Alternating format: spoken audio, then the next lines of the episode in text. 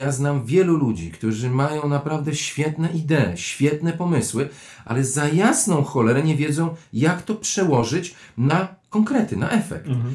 Podam Ci prosty Dlatego robią przykład. startupy, nie? No więc właśnie. I, i, I się alienują w ogóle, tak? Nie Tak. chcą z nikim rozmawiać, nie chcą się dzielić w ogóle tymi informacjami. Ale dam Ci przykład jeden.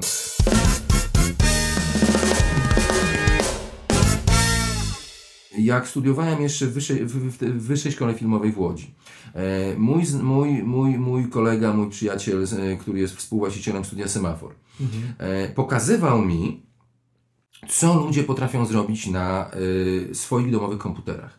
No muszę Ci powiedzieć, że katedra Bagińskiego się chowała przy tym, jak Boga kocha. Ale ci ludzie nie mają żadnej szansy przebicia. I on mi powiedział, Irek, słuchaj, no zobacz, zobacz co ludzie robią. Ja nie mam możliwości, żeby ich gdzieś wpiąć, żeby, nie wiem, zatrudnić ich, ich u, u siebie w studiu Semafor. A wiesz, no studio Semafor dostało Oscara za Piotrusia i Wilka, tak?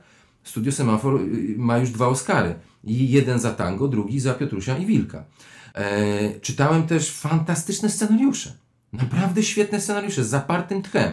Ale ci ludzie nie mają żadnych możliwości, żeby je zrealizować, tak? Antyszambrowali po tych korytarzach tych wielkich tam, nie chcę mówić nazwisk, tych, tych, tych reżyserów. No i jeden reżyser na przykład tam spotkał się z tym moim znajomym i mówi do niego w ten sposób, że no wiesz, otworzył szafę i, i mówi, zobacz ile ja mam scenariuszy tutaj. Nie? Taki tekst. Wiesz, twój scenariusz mi się podoba, ale wiesz, no ty nie masz chłopie nazwiska. Nie? Co ty wiesz w ogóle na ten Co temat? ty wiesz o To zabijaniu? zrób, co ty wiesz o zabijaniu. I mówi do niego, ale posłuchaj, bo, Co ty wiesz bo o to scenopisaniu? Dokładnie. To zrobimy tak, mówi. Ja się mogę na to zgodzić, że ja ci zapłacę jakieś tam pieniądze, tak? Ale ja się podpiszę pod tym scenariuszem. I to dopiero będzie sukces. I on mówi do mnie, Irek, słuchaj, no gdzie tu etyka? Gdzie tu w ogóle jakiś, nie wiem, honor i tak dalej? I ja mówię, no wiesz, no albo to, albo sukces. Ale, ale wiesz co, przypomina mi się w tym momencie kolejna stara historia. Yy, Sylwester Stallone. A tak, tak, to Anthony Robbins o tym tak, opowiadał. No, niesamowicie motywacyjna. Wzruszająca bardzo, porywająca za serce. Okej, wiem, że ją znasz, ale Aha, może opowiemy, bo pewnie wiele osób nie zna, bo Ale uruchomiły mi się emocje na tym. Jak, jak to powiedziałeś, Tak, dlatego tak, zacząłem. Bo to jest niesamowite, że akurat to jest fajna historia dlatego, że ym, Sylvester Stallone to raczej nie jest przykład, znaczy to nie jest osoba, którą byśmy po, po wyglądzie pos, Mhm. y, posądzali o jakąś taką, wiesz, y, No, głębsze bys- przemyślenie. tak, bystrość umysłu. Bystrość i tak dalej. Ale- Zresztą nikt go nie, nikt go nie posądzał, bo jak on przyjechał do Ameryki, żeby ym, właśnie zostać aktorem, Aha. to gdzie, gdziekolwiek nie poszedł na jakiś casting, to mówi, że słyszał trzy rzeczy. Za niski, nie ta morda i śmiesznie gada. nie jest taką mordą, nie, nie jest tak, tak cytat, mówię, cytuję. Za niski i jeszcze śmiesznie gada. I wszędzie słyszał to samo, nie? E, I jak zwykle, jak większość aktorów tam klepał biedę grubą. I, i, I w którymś momencie trafił, ja mogę pomylić jakieś fakty, ale Okej, generalnie jest ten, nie? I w którymś momencie trafił do, był w bibliotece, ale nie żeby czytać, tylko tam coś tam było, nie pamiętam, czy tam było kawa ciepła, czy coś tam było takiego, nie? Aha. Że on tam chodził, ale nie, nie, głównie nie po to, żeby czytać. I tam był telewizor, na którym leciała walka y, właśnie jakiegoś y, białego z czarnym, nie? Bo tak później było w Mhm, filmie. Tak. I to właśnie, to była jakaś taka właśnie walka, że on tam ledwo chyba wygrał ten i, on, i to był pomysł na scenariusz. On poleciał do domu i pisał ten scenariusz. Mhm.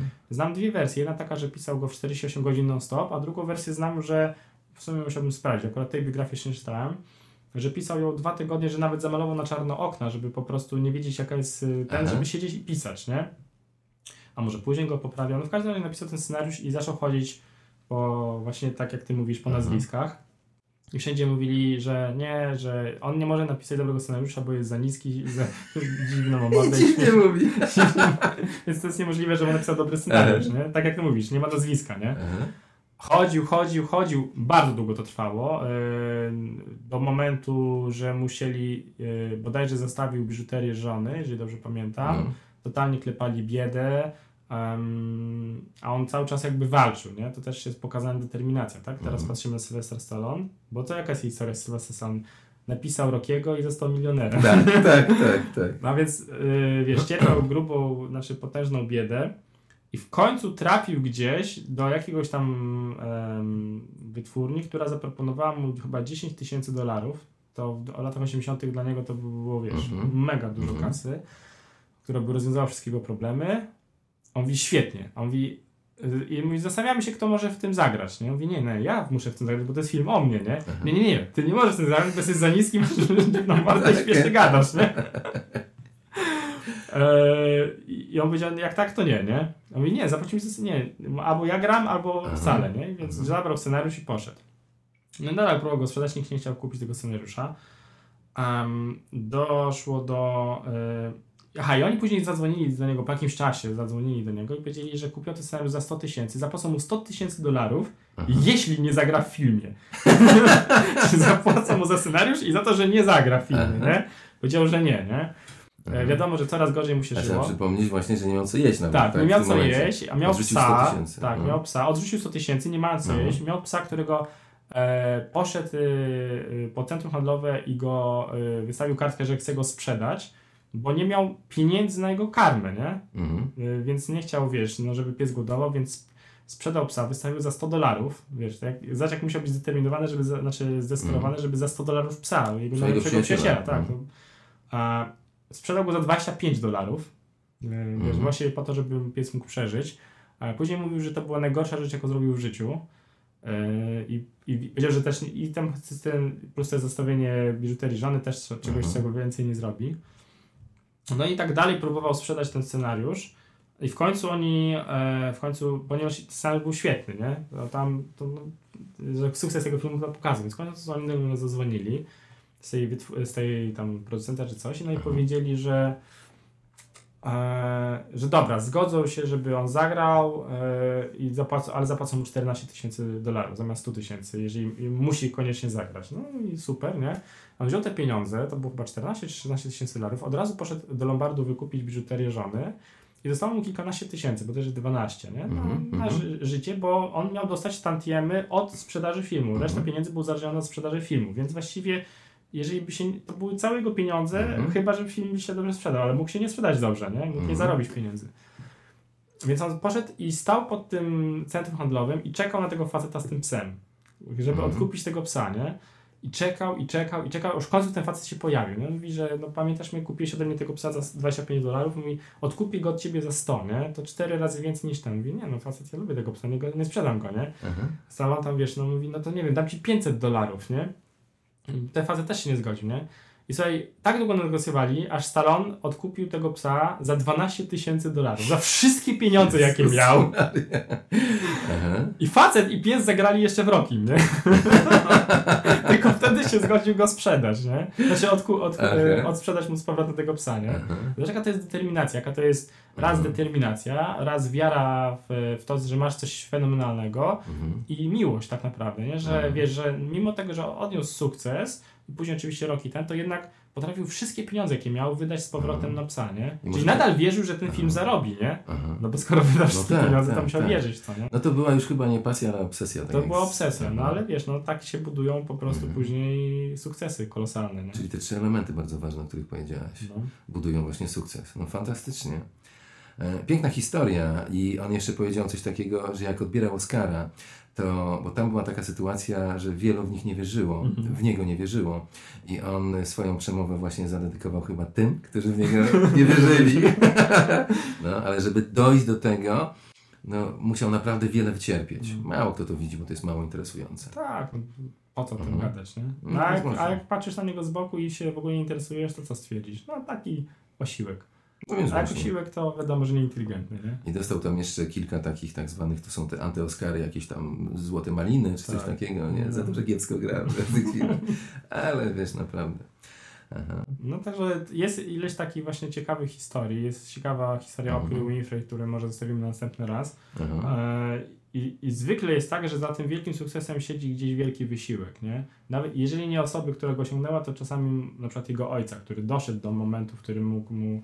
no, Bo jest dużo osób, które są e, bogate nawet w Polsce, ale są bogate ze spadku, nie? Mhm. Mhm. E, i, I wiesz, i są jako pokazani jako przedsiębiorcy i tak dalej, a tak naprawdę wiesz, no, No jest też pewien miliarder w Polsce, chyba piąty na liście e, tych najbogatszych Polaków w Polsce, który odziedziczył majątek Mhm. e, po zmarłym bracie chyba, czy ojcu. A, a nie wiem.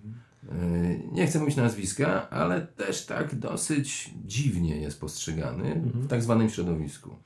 Nie?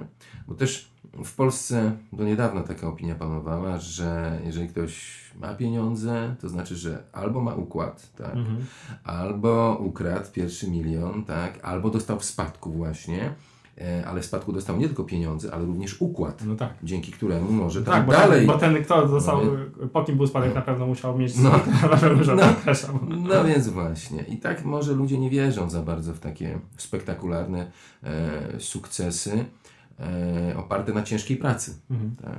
A powiem Ci, że ja y, mam to szczęście, że mam dostęp do wielu ludzi, którzy odnieśli sukces przez to, co robię i przez to, y, z, z kim się spotykam. I powiem Ci, że nie kojarzę żadnego przykładu osoby, która doszła, wiesz, bez przebojów do, do, tego, Mhm. do, do swojego sukcesu. Mhm. Niektórym. Y, ja na przykład miałem tak, że y, dwa lata y, robiłem y, fundament swojego biznesu, zanim wystartował, ale to mi sprawiało przyjemność. Nie, traktowałem tego jako ciężką pracę.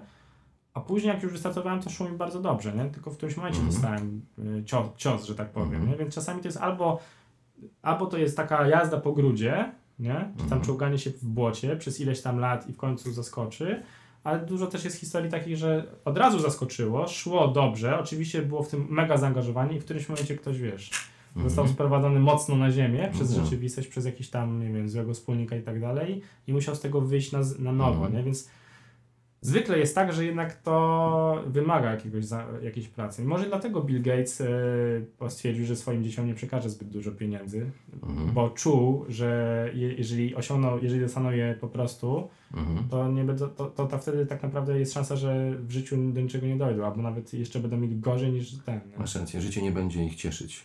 Tak jak ci, e, te dzieci tych gwiazd filmowych, tych Mhm. celebrytów, tak?